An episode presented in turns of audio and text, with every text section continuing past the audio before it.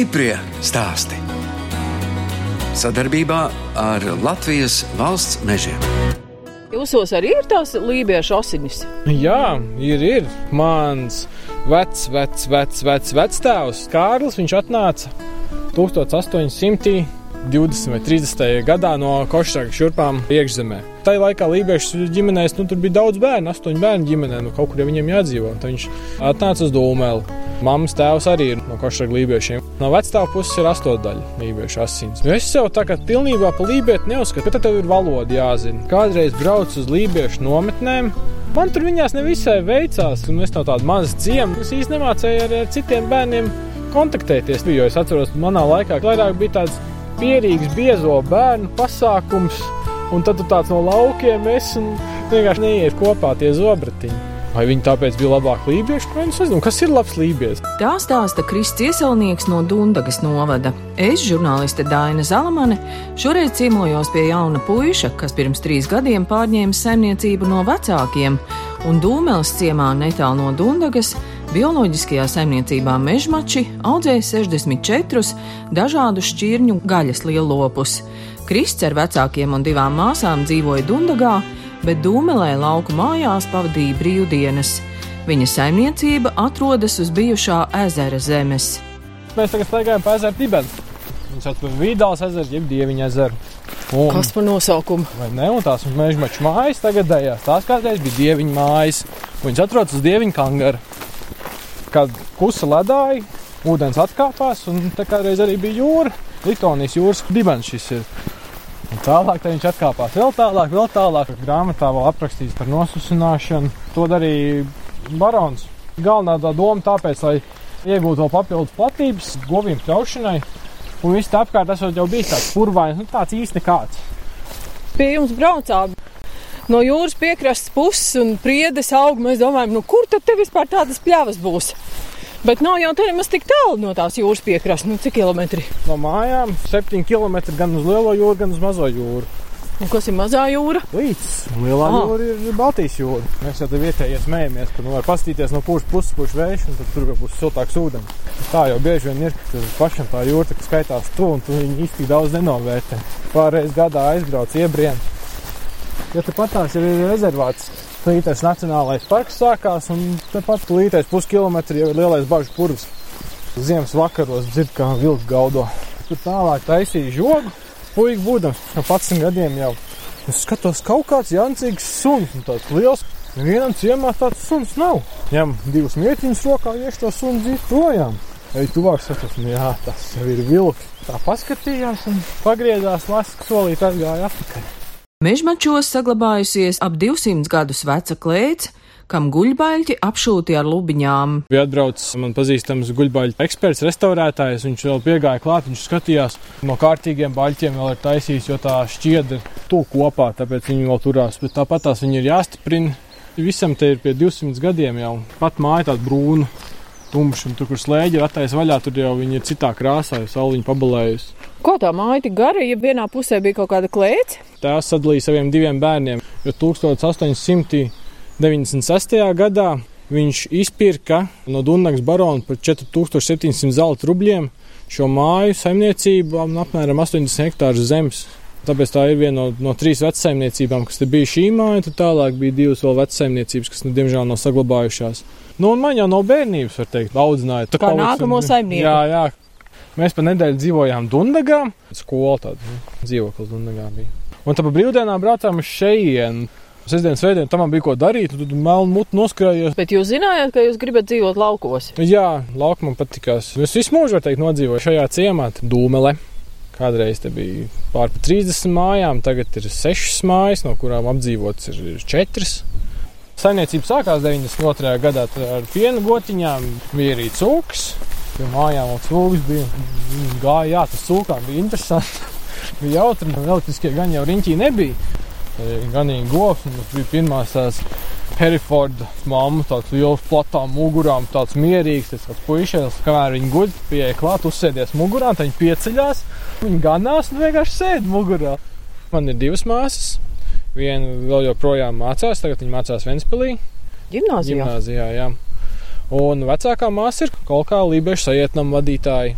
Es pie malkas skaldīšanas vairāk tika pielikts. Tētis sataisīja tādas tā skaldīšanas sagatavas, un tad jau viegli tik klapē un viss tur smuku plīšķis.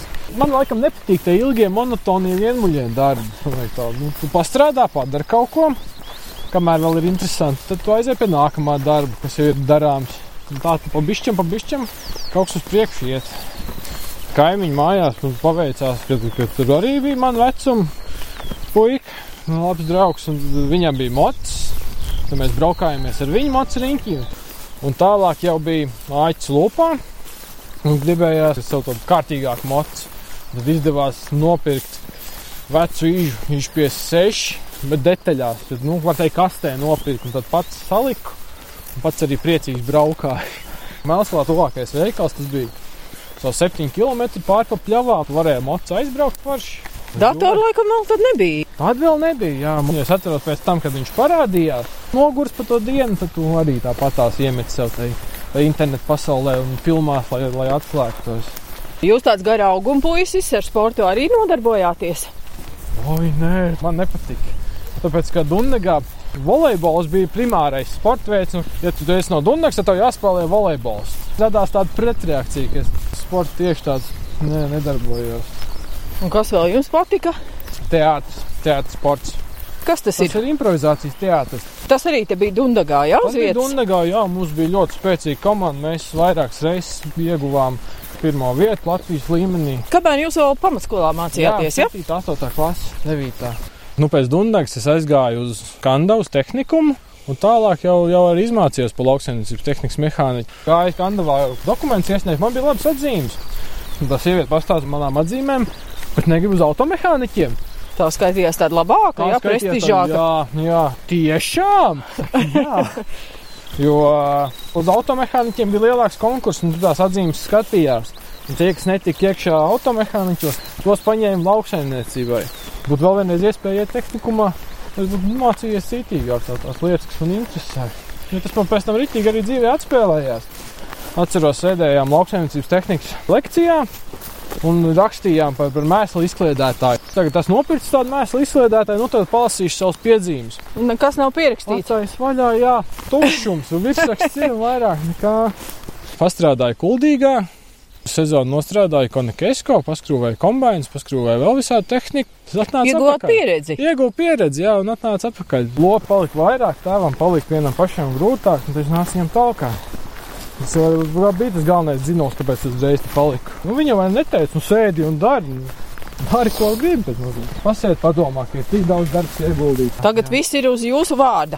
Jā. Un ir savādāk sajūta. Jā, ir gan, vairāk var pasēdēt, padomāt. Bet vecāku padomos tad jūs neklausāties. Nē, es klausos, klausos. Bieži vien tieši tā viņiem tā doma ir, ir, ir labāka nekā man ir ienākusi prātā. Pul, Ko tu vecāki paši tagad dara? Māma ir skolotāja Dunkas vidusskolā. Jau no bērnības viņa jau vairāk par Dunku darbojās, un mēs ar tēvu pa šejienu. Un teica, tagad atpūšās, izbauda pensiju, aizrāvies ar amatniecību. Darīja visādas lietiņas, masieras un, un bērniem rotaļlietas no dabīgiem materiāliem, no koka, masieri ir no kastaņiem. Stiprie stāsti.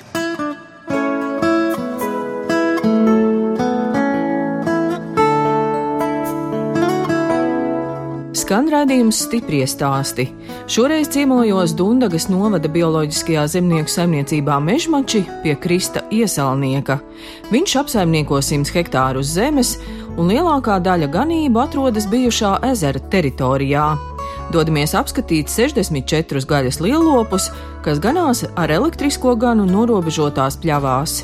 Jā, tas nedaudz pārpēr elektrisko gan, bet Mums būs jāšķērso tagad arī strautiņš. jā. Ah, te ir akmens. Šķērsojam vēl vienu elektrisko ganu. Jā, Cik skaisti izskatās tie jūsu lopi, vai ne? protams. Bet jūs jau te ir vairāk šķirnes. Jā, man ir pārsvarā Šarls, kurš Šarolē būs arī staigā. Tas ir baltais Darjus. Atceļojis no Vācijas. Patreiz dzīvo vēl ar pāris meitenēm, atsevišķi no vislielā ganāmpulka.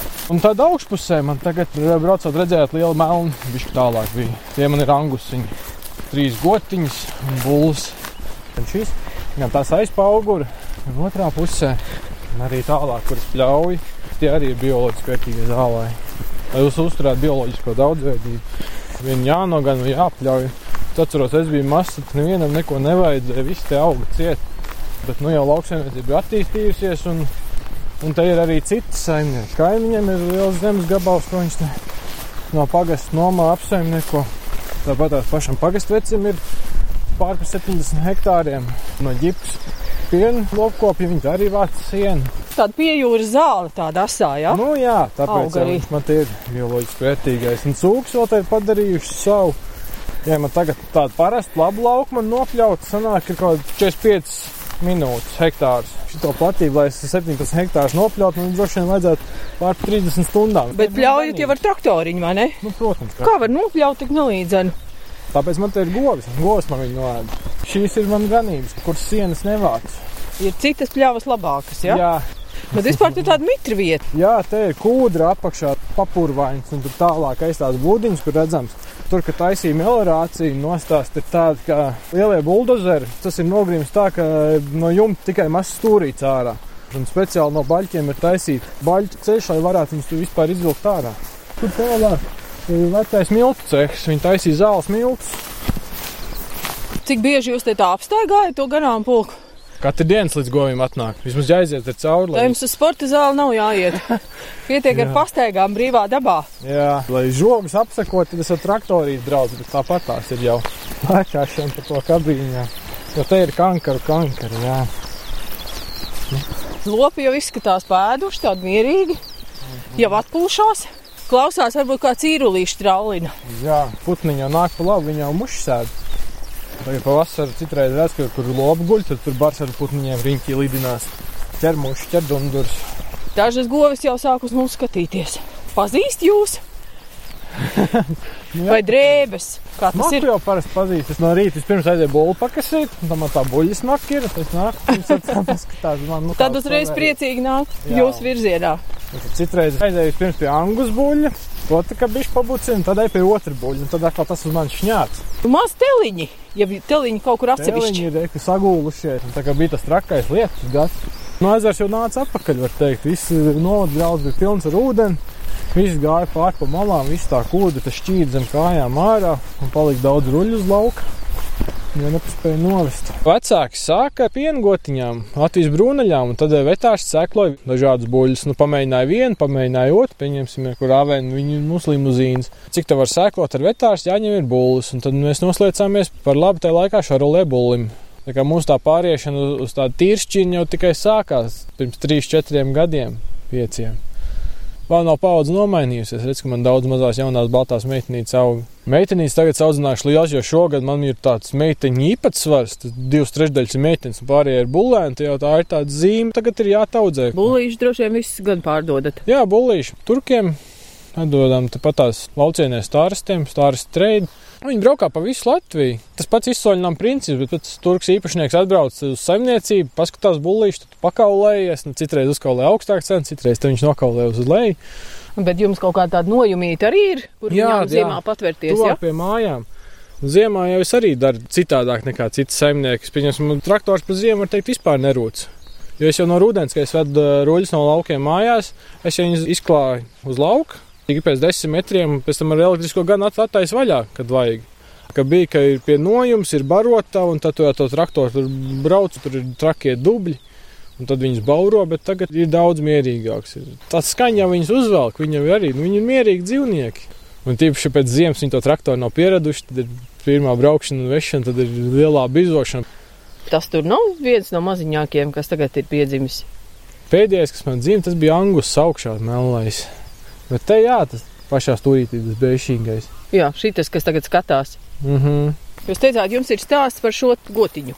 Viņa dzima bija augstcārā un, un sanāca tā, ka vajadzēja viņu nest iekšā un sildīt. Un tad mēs arī ar viņu pudeli ar viņu barojām un spēlējāmies un glaudījām. Tad viņš bija tāda mīļgotiņa. Katru jau maziņo šitā tomēr nelutina, vai ne?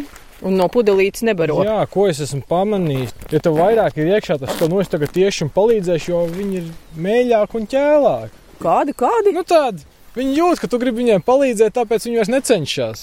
Mēļāki un ķēlāki. Ķēlu olu. Nu, viņš tāds- Jēla? Mēs sakām ar ķilēkam ķēlu. Nu, tāds, nu, nekāds. Tāds. Stumdāms un grūstāms, nu, apmēram tās, tas tās Jā. Tad cits gads, kad tu mazāk ej klāt, viņiem traucē, tai mātei viņi pat tiek galā. Daba jau zina, kā vajag. Un arī tagad krotālīs piešana man bija interesanti. Jau... Auskaru sausīs. Jā, auskaru. Numuriņiem. Jā, bet teļš pieceļās, ja viņš pazīš, nu tad tā krotāli ir jāspiež, jo jau trīs dienas pagaida, ja viņš ir tik ņiprs, ka viņš aizmuks. Bet atkarīgs no mammas, citas mammas jau ir tādas, kas tā neļaus, kas nu, te var sabadīt. Ko stāv blakām, skaties, tas maz, mazajiem jau interesē, viņš pastiepies, klikt iespied vienu. It kā neko nezinu, mazais aizskrien riņķi. Bet viņam jau nesāp. Es pieļauju tāpat kā spiest auskars. Čiks jau ir, nu, to nu, galu jau viņi nopurina. Citi teļi tā bauro, ka jā, ka jāuzmanās jau no viss ganāmpulka. Ja teļš sāk baurot, tad jau viss ir kājās. Tāpat tās atšķiršana arī ir interesants pasākums, ka tie teļi jau ir izauguši, ka viņi jau ir jātirgo nost. Pagājušā vasarā, pieņemsim, es viņus ietrenēju paši iet laicīgi caur režģiem cauri. Vakarā dzinām iekšā nakts aplokā, no rīta viņš paši sev varēja izlaist ārā, bet viņam bija jāiet caur šaurežģi cauri. Tas nozīmē, viņas pašas varēja pierast. Tas arī dažreiz atviegloja. Nu, vienīgais tā, ka tā nauda ir vienreiz gadā, vai tik traki nav? Ja tieši uz bulēniem, tad tā jau ir ūdens beigās, nu tad tu pārdod, un tad tev ir jāmaksā budžetē tā, lai visam gadam sanāk. Tas pats jau ar subsīdijām, tās jau ir pa ziemu ieskait, un tad tev visam jāsanāk. Nu, plus vēl aizbrauc kādā haltūrā ar traktoru piepilnies. Pārstāv jau pļaušana ar sienu vākšanas, tad tādiem pakalpojumiem. Un tagad, kad ir frontālais skauss priekšā, vienkāršāk sakot, tas arī zemi palīdz, arī pat tālumā brieži. Kur viņi dodas ēst? Jā, jo tepatās aiz šī mežiņa ir mednieku māja, Un tur arī viņš piebaro un speciāli gaudzē graudu briežiem. Tā lielākā problēma ir, ka tie brieži saplēš ganus. Govs jau zina, ka nevar cauri iet, ka tur ir elektrība, bet, nu, ja briedis ir ieskrējies, nu viņš ir ieskrējies. Tad pēdējā brīdī viņš nepamanā un tāpat iziet cauri. Un tad ir vēl jā, jāpaliek roļi uz lauka, tad līdz pavasarim viņi ir izēsti. Nu, briedis jau arī iesaist uz sagatavoto barību, ne jau kašāsies pa sniegu, ja būs tāda iespēja. Stiprie stāsti!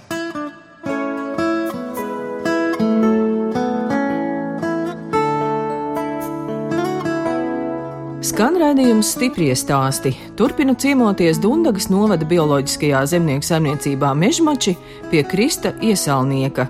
Dodamies uz Dundagu, kur viņš kopā ar savu līgavu Leldi Strasdiņu nopircis privātu Lelda šobrīd auklē septiņus mēnešus veco meitiņu Paulu.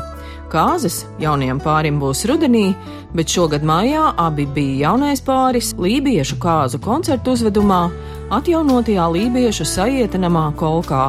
Kristija stāstīja, ka viņa māsa ir tagad lībiešu sajieta nama direktore, vadītāja. -hmm. Viņa jūs pierunāja. Nu jā, bija tā, ka mums bija viens zvans par to, ka būs pasākums uh, lībiešu kāzas, vai mēs negribam piedalīties. Tur baigi īpaši nekas nav jāzina, nekas nav jādara, vienkārši smuki jāizskatās. Un mēs tā aktieri būdami pēc uh, hobija līmeni un piekritām. Un tad aizbraucām, un tad sapratām to, cik tas ir eh, nopietns pasākums. Sākās neliela panika, kā tur būs, vai visi atcerēsimies, vai kā, bet beigās bija ļoti, ļoti skaists un emocionāls. Es pat beigās uh, sirsnīgi raudāju, nebija gaidījusi to, ka būs tāds emociju pacēlums. Bet jums jau lauda pašai ar lībiešiem pilnīgi nekāda saistība nav? Pilnīgi nekāda saistība nav. Esmu ienākusi lībiešu ģimenei. Cik mēs tur rēķinājām, viena astotā daļa no lībiešiem daudz arī tur nav. Bet tomēr tas ir kaut kas vairāk nekā nekas. Bija ļoti liels gods nesāt lībiešu tautas tērpu, jo pirmkārt katram jau nav tāda izdevība, un, un, un otrkārt tas ir pagodinājums, ka tev tieši tiek uzticēts šādu veidu pasākums iznest. Un man kā kultūras cilvēkam ir ļoti svarīgi, ka tā kultūra tiek saglabāta un nest nākamajām paudzēm, ka viņa netiek aizmirsta. Kristi, kāda bija sajūta uzvilkt tautas tērpu? Tas bija jūsu vai jums māsa sameklēja? Cilvēki, kas tur tagad aizbrauc, viņus vietas var redzēt, viņš ir manekeniem mugurām. Leldru uzvelkusi visu to visu pilno. Un tagad skatās vienā lībietēm, skatās visu. Bet tā kā tā ir bildē, nu, no 19. gadsimta sākuma, kas ir tās bildes, jo no pēc tā parauga tika taisīts, tiešām tā kā bildē. Un visi sejas vaips tie arī, nu viss tieši tā kā bildē. Tādas asociācijas ar tantēm radās, skatoties uz mani. It kā no vienas puses tas bija tā kā teātris, tā parādīt citiem, bet tāpat laikā droši vien, ka tomēr bija svarīgi, ka jūs arī esat dzīvē kopā. Mēs nebūtu dzīvē kopā, tas uh, nebūtu tik patiesi. Mm, tas būtu tiešām tā, tāds īsts teātris, bet mēs skatījāmies viens uz otru un uztvērām to tiešām kā ģenerālu mēģinājumu, un jau tās sajūtas no īstās kāzas dienas mēs noķērām. Tas acu skatiens, ko varēja redzēt mūsos, tas tiešām viss bija patiesi, tur nebija nekas spēlēts.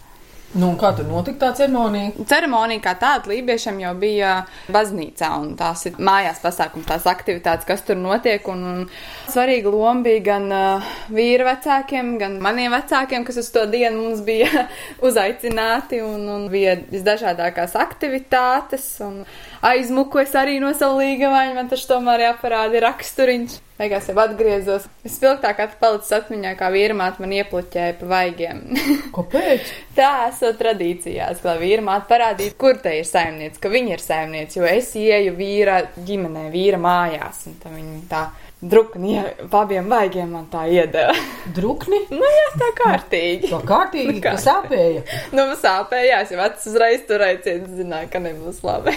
Mēģinājumā viņa saka, es tev tagad iepļauju kāšu, man bija tāds. Nu, labi, kas jādara, tas jādara. Mēģinājumā ir tā cits, cits tā māja. Viegli, jā, tā maigi. Un īstajā tā ritī. Pa vienu tā ritīgi, pa otru vēl tā ritīgi. Droši vien, lai nerunā pretī. Bet jūs jau ar vīrmātu kopā nedzīvojat. Īstajā dzīvē nē. Es jau jūs fotografēju pie mājas un nospriedu, nu ko tie garie puiši, tādas mazas meitenītes preci.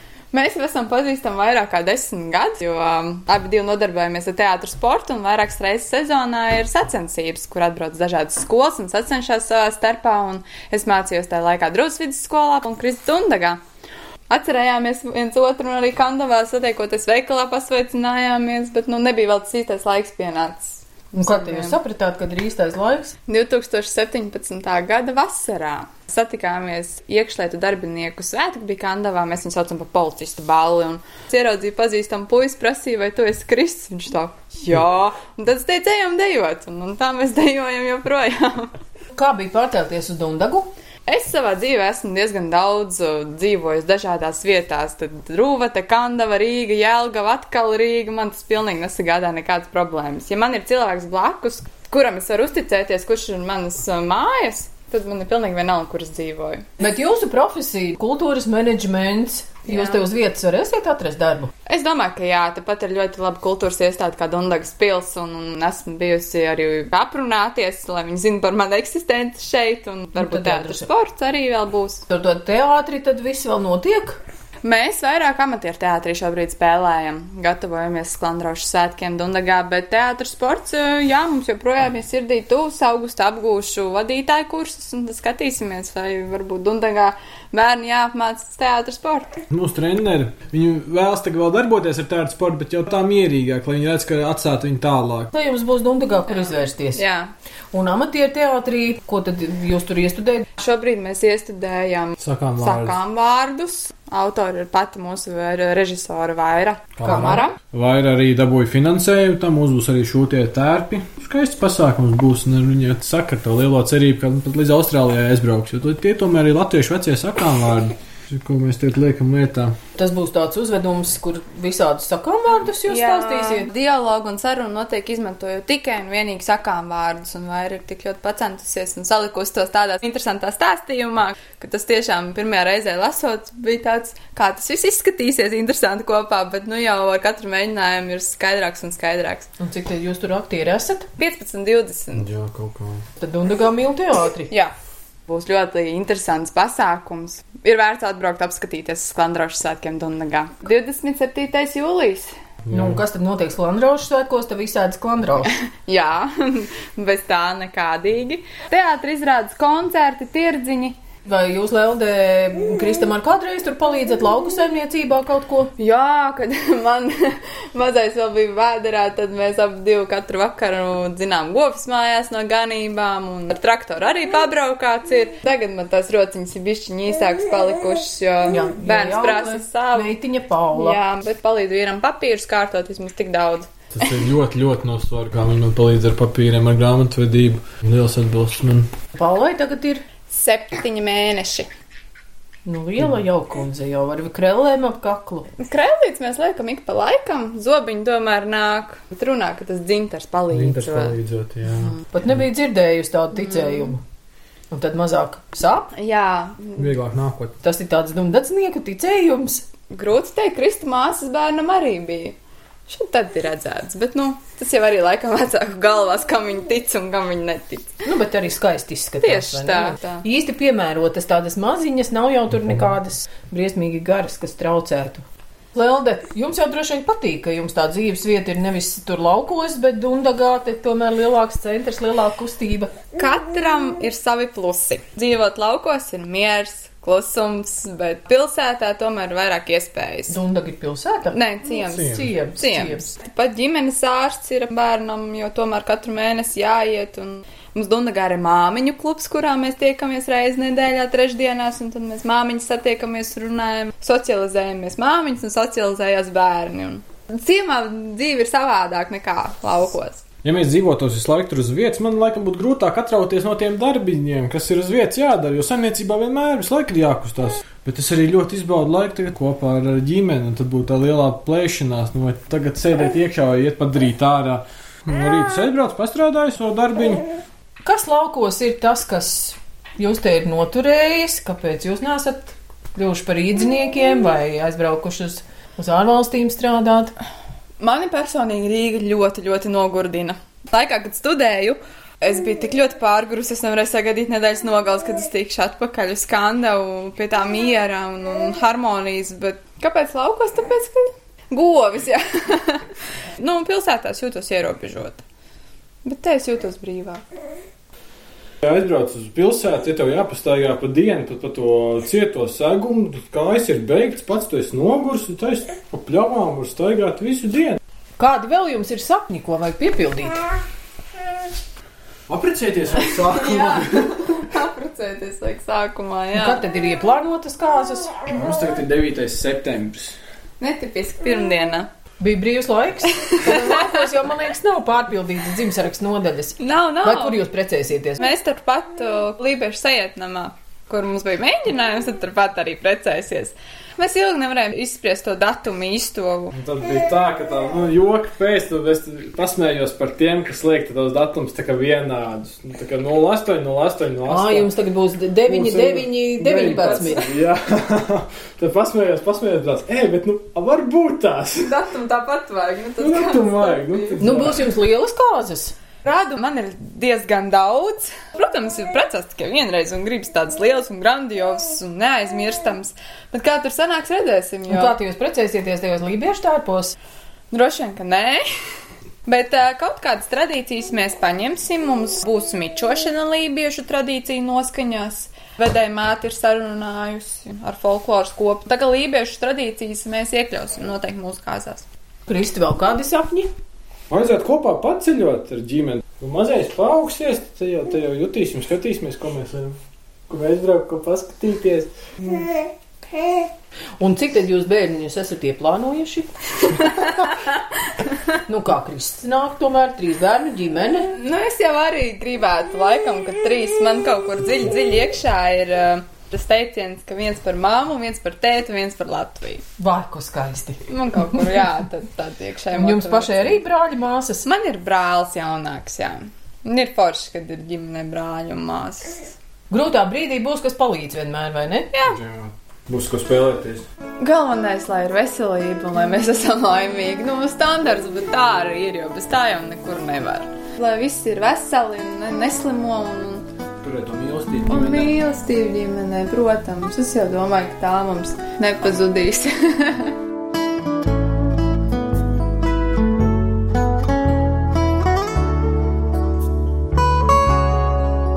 Radījums stipri stāst izskan, un mēs atvadāmies no Krista iesaulnieka, kas Dundagas novada bioloģiskajā zemnieku saimniecībā Mežmači apstrādās 100 hektārus zemes un audzēja 64 gaļas lielopus. Krista Līgava Lelde Strasdiņa auklēja septiņus mēnešus veco meitiņu Paulu, abi nopirkuši māju Dundagā, tā tad ir šeit uz palikšanu, un jauniešu kopīgais vaļas prieks ir teātris spēlēšana. No jums atvedās žurnāliste Dāna Zalamana un operātore Inga Bēdele, lai tiktos atkal tieši pēc nedēļas.